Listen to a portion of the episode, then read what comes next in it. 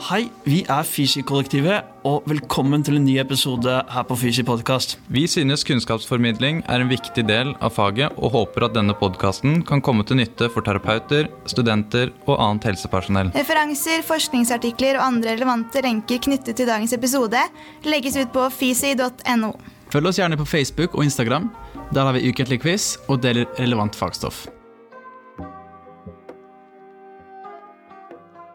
Og da hadde jeg en pasient hvor eh, legen insisterte veldig på at jeg skulle gjøre det. Og, og, og når legen da bestilte den type behandling, så utførte jeg det. Ja. Men det resultatet at pasienten ble veldig mye dårligere etterpå. Eh, og det er noen, noen pasienter som har sånne stive lunger. eh, tolererer ikke å miste den, det trykket som du har i thorax. Du snakket jo om trykk i thorax, men noen ganger så er vi nødt til å opprettholde et høyt trykk i thorax for å, for å ikke skade lungene, da. Ja, ja. Uh, og da kan det være negativt å, å miste det trykket. Mm. Pip, som vi kaller det. ja. Uh, altså, den situasjonen fikk meg bare til å liksom innse at eh, vi som fysioterapeuter, vi det er vi som styrer indikasjon og kontraindikasjon på våre tiltak. Så vi, man kan, vi, kan ikke, vi kan ikke skylde på noen andre. Nei, ikke sant? Eh, og det er utrolig viktig at vi tar ansvar selv for det vi gjør.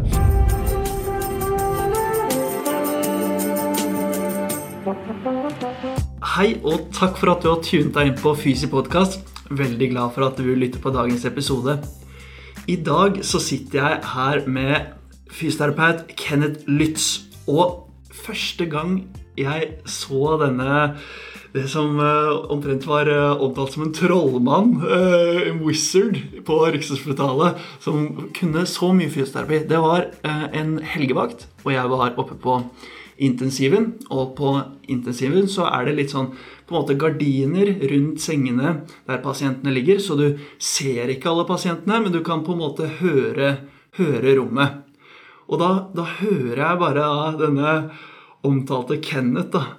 Og du hører på en måte at dette er kjempebra fysioterapi. Du kan, du kan liksom du kan forstå eh, på en måte hvilke mål han har for behandlingen sin, bare ved å lytte på behandlingen. Det var, det var en sånn herre Ok, nå skjønner jeg hvorfor Kenneth eh, er god. Og senere så er jeg blitt også bedre kjent med Kenneth. Og dere kan glede dere til å høre på hva han har å si, for jeg har gledet meg veldig til å prate med han på denne podkasten. Så, så nå fikk du introduksjonen der, Kenneth. Velkommen på podkasten. Det var litt av en innledning. Ja. Jeg, jeg, jeg ga full gass på Ja, innledningen. jeg skjønner det. Vi får håpe vi lever opp til forventningene. Ja, det tror jeg vi gjør. For de lytterne som ikke kjenner deg, har du lyst til å introdusere deg litt um, kort her på podkasten? Ja, det kan jeg gjøre. Jeg, eh, jeg er utdannet i Finland, faktisk. eh, I 94. Ja. Så jeg har jobbet over eh, 25 år som fysioterapeut, og jeg er veldig, veldig sykehusfysioterapeut. Jeg har jobba først på Ullevål sykehus i 15 år, og så har jeg hatt en tiårsperiode på Rikshospitalet. Og etter hvert så har jeg pendla meg inn på, på nevrologisk fysioterapi og intensiv fysioterapi. Så jeg, nå jobber jeg er ansatt på nevrologen og gir service til nevro- og intensivpasienter hovedsakelig. da. Og, og nevrologiske og nevrokirurgiske pasienter på overvåking. ja. Mm. Riktig. Jeg har jo et inntrykk da at egentlig du har vært igjennom et sånt spekter av eh, sykehusfysioterapiene. Og jeg har også hørt rykter om at du var jo på seksjonen der jeg jobber nå, seksjon for fysioterapi og sosialmedisin, tidligere. Og så har du på en måte eh, gått over til nevro, og, så du, du har jo på en måte erfaring i mange leirer, da? Eller stemmer kanskje ikke det? Jo, det stemmer egentlig. Jeg skulle, altså, når jeg ble ansatt i, kom til Norge, så var det meningen at jeg skulle jobbe på intensiven. Og Ja.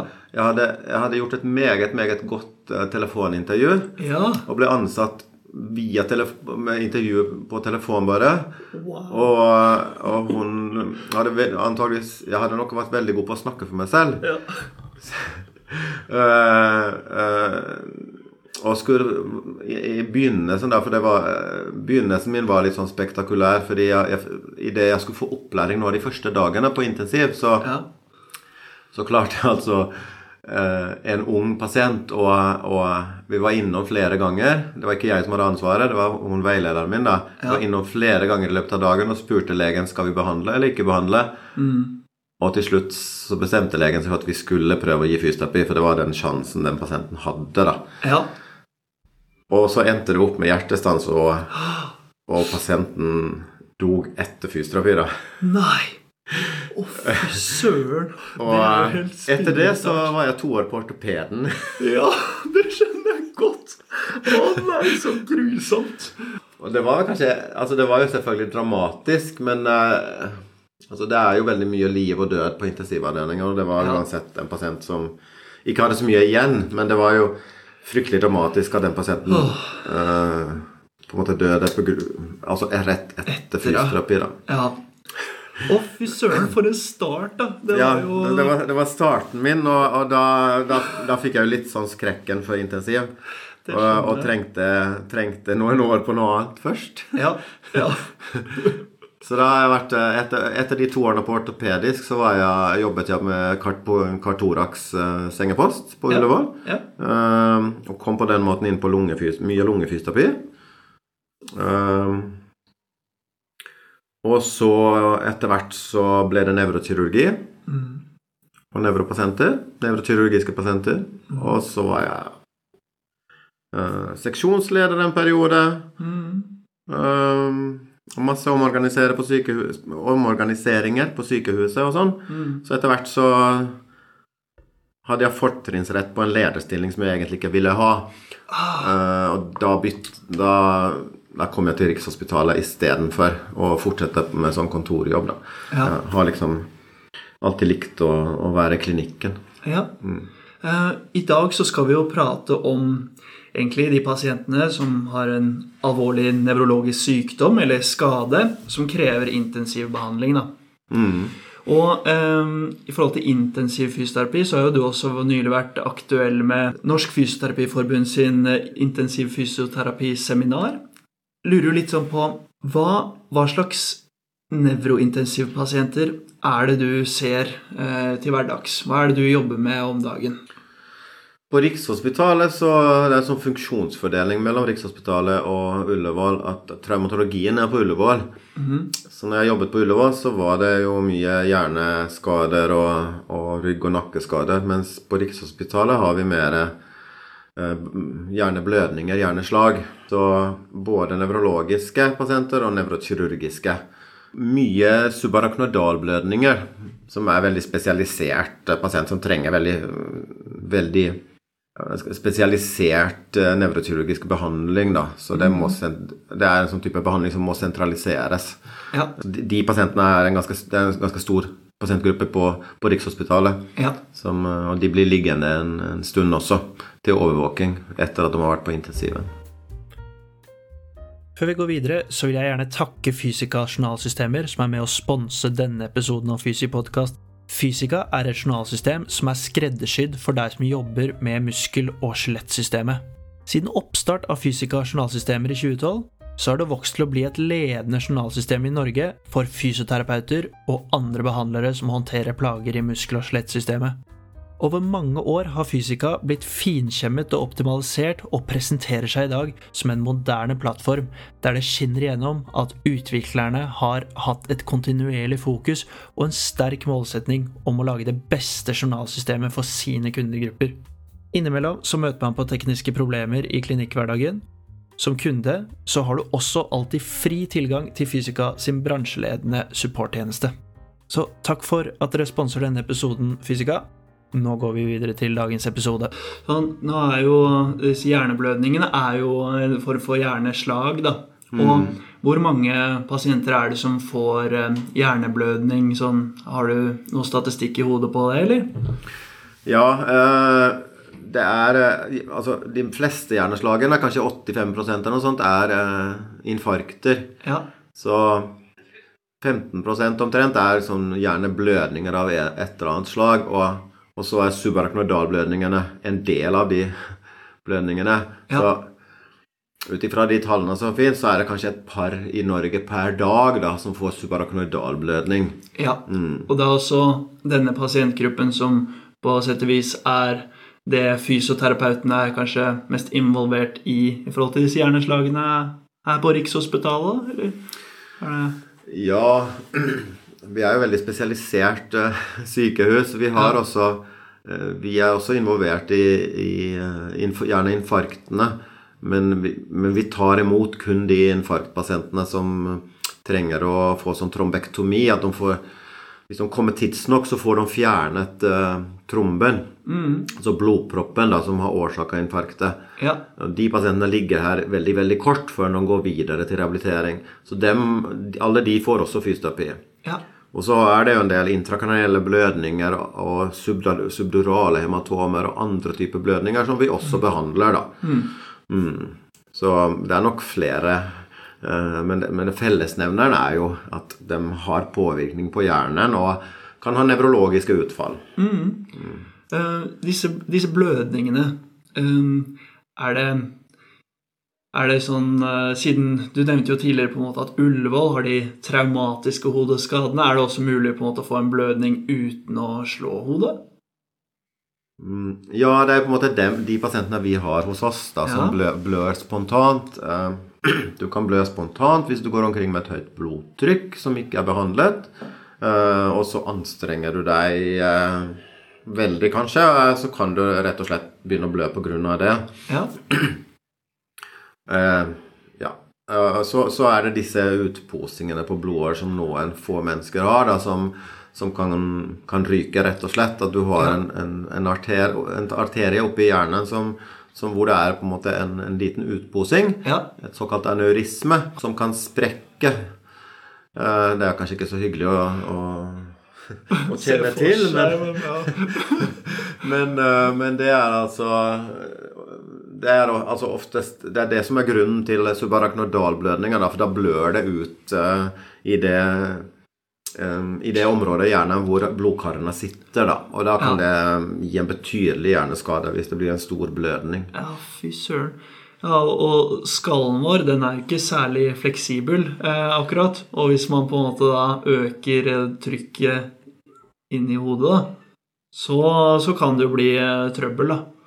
Ja, så de pasientene kommer jo gjerne inn med, med redusert bevissthet fordi det har blitt så try høyt trykk i hjernen at hjernen fungerer rett og slett ikke. Du mister Ja. bevisstheten din og, og blir, blir rett og slett borte. eh, og må, ha, må da ha hjelp ganske raskt. Ja, Eh, så det er jo det som er fellesnevnet med de pasientene. At de For det første så må de ha rask behandling da, og få fjernet eh, blødningen. ja, Og kanskje få lagt inn et sånt eh, eksternt ventrikkeldren for å også få lette på trykket i hodet. Så, um, hvis du har høyt trykk i hodet, så får du ikke blodsirkulasjon til hjernen, og du får ikke oksygenert hjernen din, og da ja, altså En del av disse pasientene kommer jo aldri inn på sykehus fordi de dør Ja. kanskje hjemme eller der hvor dette skjer. da. ja. Uh, og, og det har vært en veldig veldig stor utvikling de siste årene. så for, Kanskje for bare 25-30 år siden så er det mange av de pasientene som vi behandler i dag, som egentlig ikke hadde som, som for 30 år siden ikke overlevde i det hele tatt. ja for søren. Mm, Så, medis, så medisinsk behandling og kirurgisk behandling har, blitt, har, liksom utviklet veldig da de siste årene. Mm. sånn at vi klarer å redde mye, mye med flere pasienter da, tilbake til livet. Ja, Mm. ok. Eh, så en, en behandlingsform som eh, ofte gjøres, er at man får et sånt ventrikkeldren. Du rett og slett har en, en slags slange inn i hodet, ja, og så tapper det ut liksom overflødig væsken, da. Ja, det er en, liksom en sånn Det er én måte å lette på trykket på oppe i hjernen. Ja, Eh, og mange av pasienter med subarachnoidalblødninger og også traumatiske hjerneskader, de, de får da en sånn eh, tilleggskomplikasjon på kjøpet. ja, sånn såkalt hydrocefalus. Eh, eller, eller populært kalt vannhode. Da, at du, du har for mye væske i, i ventriklene dine, og du klarer ikke å regulere det selv. ja, Eh, den autoreguleringen blir rett og slett slått ut ja. pga. Uh, hjerneskaden. da. Eller pga. den ja, tilfeldige DM i hjernen og ja, den, den akutte tilstanden da, som gjør at du midlertidig i hvert fall da, må ha drena, Vi må hjelpe den pasienten å drenere ventriklene sine, rett og slett. da. Ja. Eh, Det er kanskje mange av lytterne som aldri egentlig har sett en pasient som har en alvorlig eh, subarachnoidal blødning, f.eks. Mm. Eh, du kommer inn da på rommet, og liksom Hvis du skal beskrive litt sånn eh, Kanskje først hva slags utstyr som er tilkoblet pasienten, og hvordan en sånn typisk pasient presenterer seg for deg. Det, vil, vil du fortelle litt? Ja, pasientene ligger enten på overvåking eller på, på intensiv. Um, så en del av pasientene kan se ganske normale ut og oppføre seg ganske normalt. De, det som det, de som det har gått best med, da, uh, som på en måte etter at de har blitt operert og, og fått fiksa på Altså fjernet blødningen og fått inn dette drenet, og så har de oftest inn en, en sånn trykkmåler i hodet. De kan da være våkne og kroppen fungerer helt som den skal, og, og både kognitivt og motorisk så er de velfungerende. Så det er de som det går bra med raskt, da. Og så har vi de pasientene som uh, har mistet bevisstheten og ikke helt er, er liksom mer eller mindre bevisstløse, da. Mm. Uh, der klarer man liksom ikke å samarbeide Altså det er jo ikke en, en pasient som ikke helt klarer å samarbeide da, med deg. Og så har vi de pasientene som, vi, som rett og slett har såpass alvorlig hjerneskade at det må, de må de legges i kunstig koma da, for å få For at kroppen rett og slett skal lege seg selv, Mm. og så skal de få optimale forhold for å kunne bli frisk. da, Og da må de faktisk sove noen dager. Ja. Og kanskje opptil én til to uker til og med noen ganger. Mm. Ja, fordi eh, inntrykket mitt eh, på en måte etter å ha vært litt på opplæring med dere nevrohysterapeutene, at dere har et veldig sånn tydelig skille mellom når det er ro og hvile, og når det er eh, aktivitet og, og stimulering på et sett. Ja, det gjelder egentlig både, både de pasientene som er veldig dårlige, men også de våkne. Det, er viktig eh, når man har fått en hjerneskade, at den hjernen faktisk får ro og fred. Man skal ikke ha masse stimuli. Mm. Uh, det, så det må man tilpasse litt individuelt til pasientene, da. Ja. Uh, noen uh, det, det er viktig Man kan liksom ikke se på TV og, radio, og høre på radio og, og snakke telefon samtidig. Og, eh, når man er våken og ligger på overvåking. Man, man, man, kan, man, det klarer ikke hjernen oftest. Så det, da må man Man må begrense inntrykk. Og sensoriske inntrykk. Og, og, og gi pasienten ro og fred og hvile. Og det har også betydning for hvordan man som fysioterapeut beter seg når man kommer inn på et sånt rom. At man må man, man kan ikke begynne å snakke med sykepleierne om hva man gjorde i helgen og sånn. Nei, nei. Helst ikke. Helst ikke. Og det her tar meg egentlig litt, litt tilbake til introen jeg hadde på deg òg. Fordi det her var jo litt sånn det som på en måte jeg fikk oppleve da når jeg sto hos en annen pasient oppe på intensiven. Sånn. Fordi når jeg, jeg Jeg tenkte jo ikke på at liksom at lyset egentlig var av, at det var et veldig rolig rom. Jeg bare holdt på med mitt, og, eh, var, men så kom jo du inn. Og da var det lyset kom på, og det ble aktivering. Og det var liksom eh, virkelig sånn her, så det var bare så tydelig skille, fordi sykepleieren hadde sånn Ja, eh, nå er det ro. Og så kom du, og da var det eh, aktivering. Men hvis vi skal snakke litt mer om det utstyret som typisk er, og hva, hva er det Hvilke eh, hva er det man kan liksom se på skop, fordi man har en del sånne vitale verdier eh, som er knyttet til pasienten, som er på en skjerm ved siden av sengen.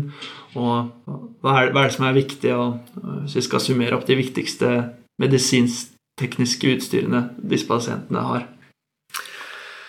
Ja, på intensiven så har de jo, eh, er de jo da intubert og ligger på og puster, får hjelp til å puste av en pustemaskin og blir oftest overstyrt Ja. uh, i den perioden de skal sove totalt.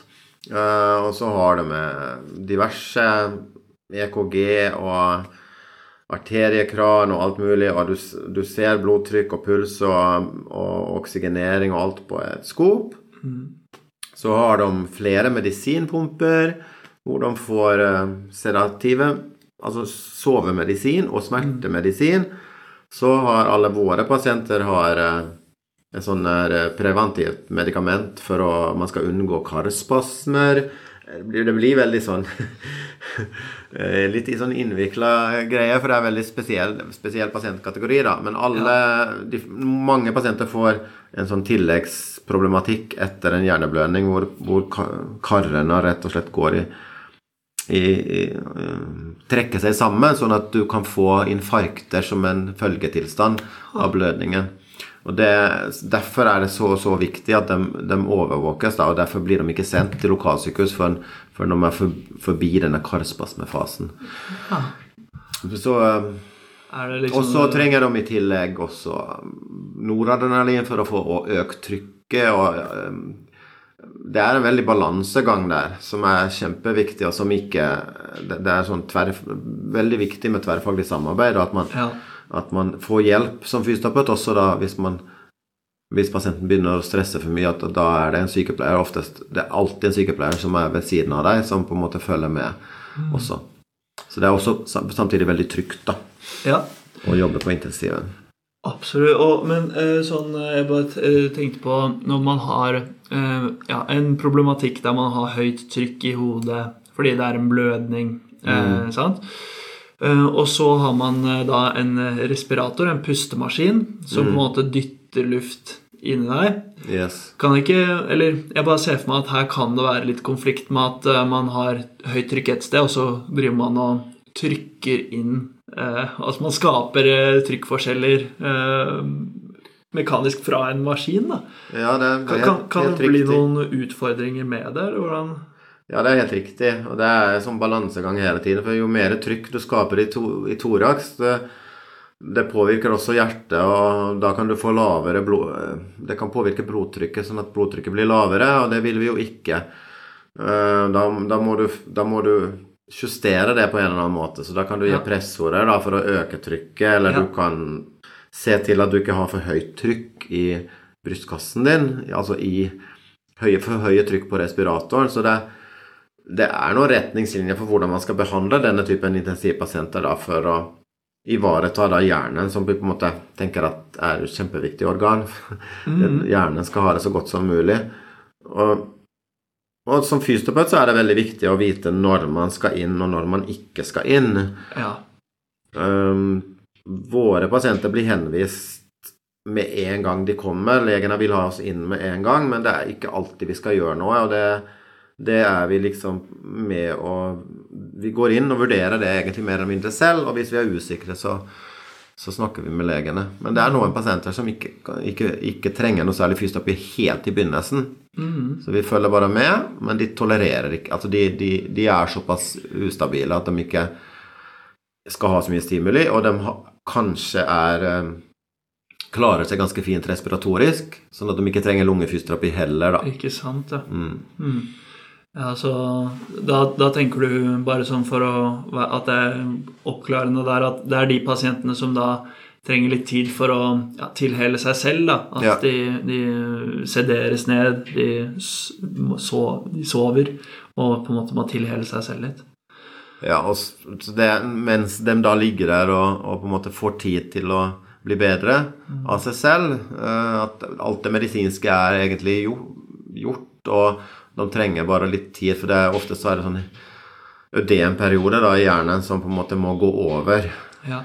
Uh, Så det eneste vi vil unngå, er at de blir respiratorisk dårligere mens de ligger i seng. Uh, Sånn at noen ganger, uh, ganske ofte, så er vi innom hver dag for å på en måte passe på å følge med lungefunksjon da, og, Ja. og gi tiltak ved, ved behov. eh, Og når de tolererer det, da.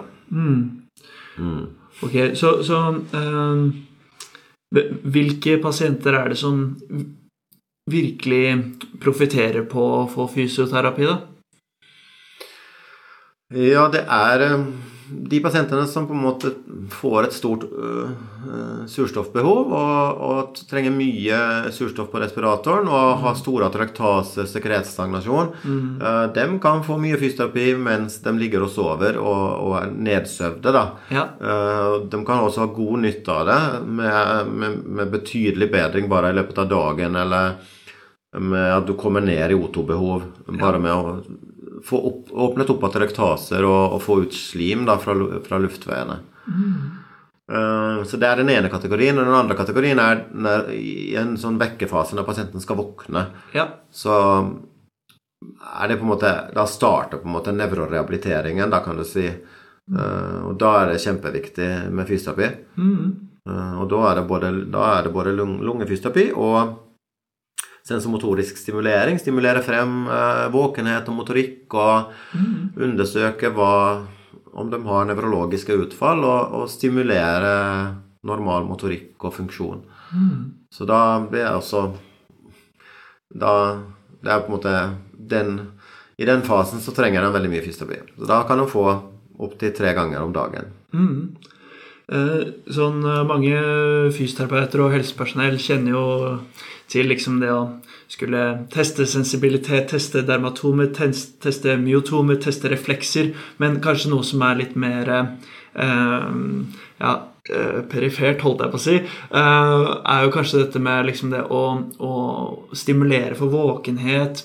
Eh, Det, å, det er jo noen pasienter som også får problemer eh, med å svelge etter de har hatt en respiratortube i halsen, eller av at det er en sentral eh, årsak i, i hjernen at kanskje det er vanskelig å svelge. Så hvis vi skal ta for oss de tre tingene, da, dette med å liksom stimulere pasienten til våkenhet, det med svelgevansker og Hva var det siste jeg sa? Var det kanskje bare to ting? La oss ta de to tingene.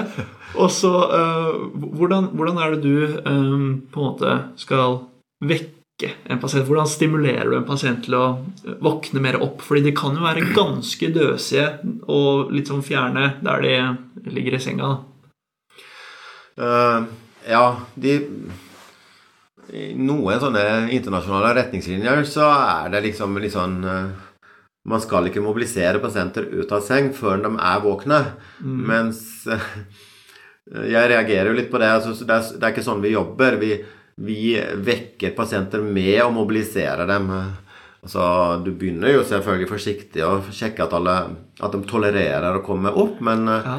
men når de gjør det, så, så mobiliserer vi pasienter opp som er eh, sovende. Ja. Uh, ofte så våkner de når de kommer opp på sengekanten. Da. Og da er det full støtte og god Altså da må man være flink på å, å støtte den pasienten som er helt slapp, da. Um, men eh, og, og det henger også mye sammen med svelging og altså du Oftest så må du kanskje være litt mer våken for også å kunne svelge ordentlig. Hvis du har svelgeproblemer, så, så svelger du mye bedre i en god sittestilling. Ja. Um, så vi, vi, vi på en måte prøver å stimulere frem mest mulig normal funksjon så tidlig som mulig. Um, og da våkner pasienten oftest raskere også, også opp, da. Er er det på en måte sånn at man har du et inntrykk av at man kan aldri så mye liksom eh, ta de i ansiktet eller strekke på armene deres eller dytte på beina deres, men når de da liksom kommer opp og må sitte og bli støttet, at det liksom At de har en At de våkner oftere mer til da? Ja, Ja. ofte. Men, men, men noen pasienter kan også våkne med Vi er jo også opptatt av ansiktsmotorikken og ansiktsstimulering, og vi er også til og med inn i munnen og stimulerer munnen, spesielt når vi undersøker svelging og sånn, og da Mm.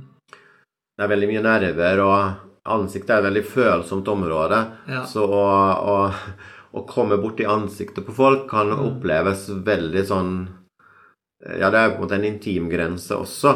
Ja. Så det, hvis du har en pasient som ikke våkner, så er også ansiktet en veldig god, innkjørsport da, for, å, for å påvirke våkenhet. ja, jeg ser det. Og da driver vi ikke på med sånn eh, behagelig massasje alltid, uten det blir mer stimulerende tiltak i ansiktet. Mm. Strykninger og hvor du gradvis eh, nærmer deg munnen og svelging, og, og får da også undersøkt om de begynner å svelge spontant. Så det, ja, det, er, det er mye, mye ting vi kan gjøre i en sånn oppvåkningsfase. Definitivt. Mm. Eh, disse nevrointensivpasientene, eh, hvordan er det de skiller seg fra andre pasienter?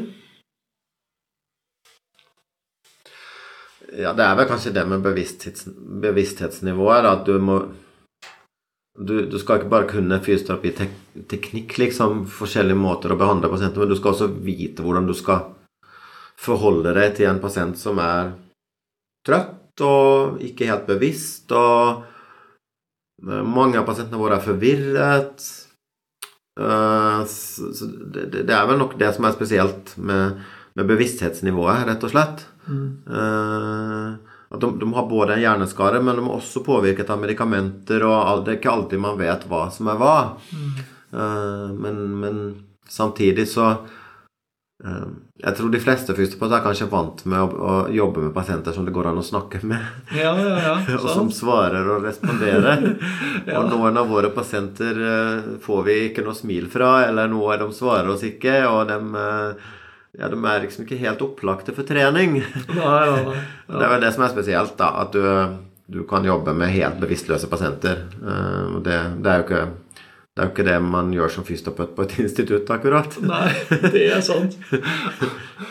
Eh, det er jo sånn derre i, i nevrofysioterapien, i hvert fall det inntrykket jeg har, da, så er det litt sånn der at eh, behandling og undersøkelse det går litt sånn om, om hverandre. Ja, det er litt absolutt. as you go.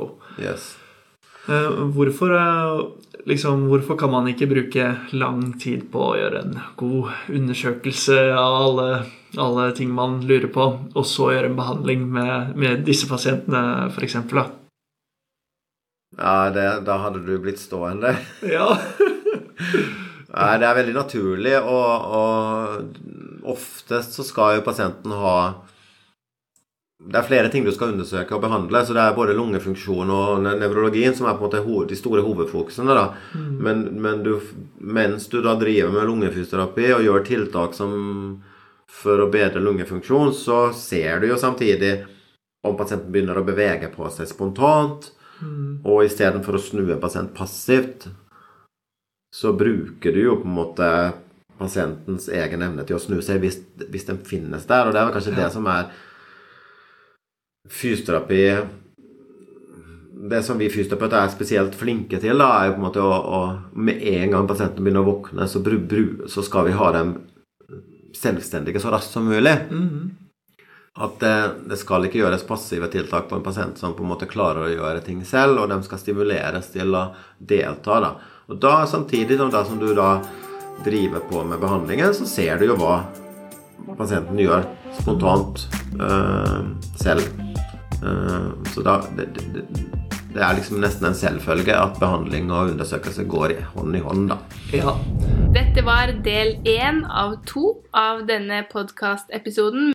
Takk for at du hørte på Fysi podkast. Håper du likte denne episoden. Følg oss gjerne på Facebook og Instagram. Der har vi ukentlig quiz og deler relevant fagstoff. Vi selger T-skjorter og annet merch på fysio.no. Vi har mange planer og mål, og omsetningen av merch skal vi bruke til videre prosjekter og kunnskapsformidling. Husk å abonnere og rate podkasten, slik at vi når ut til flere.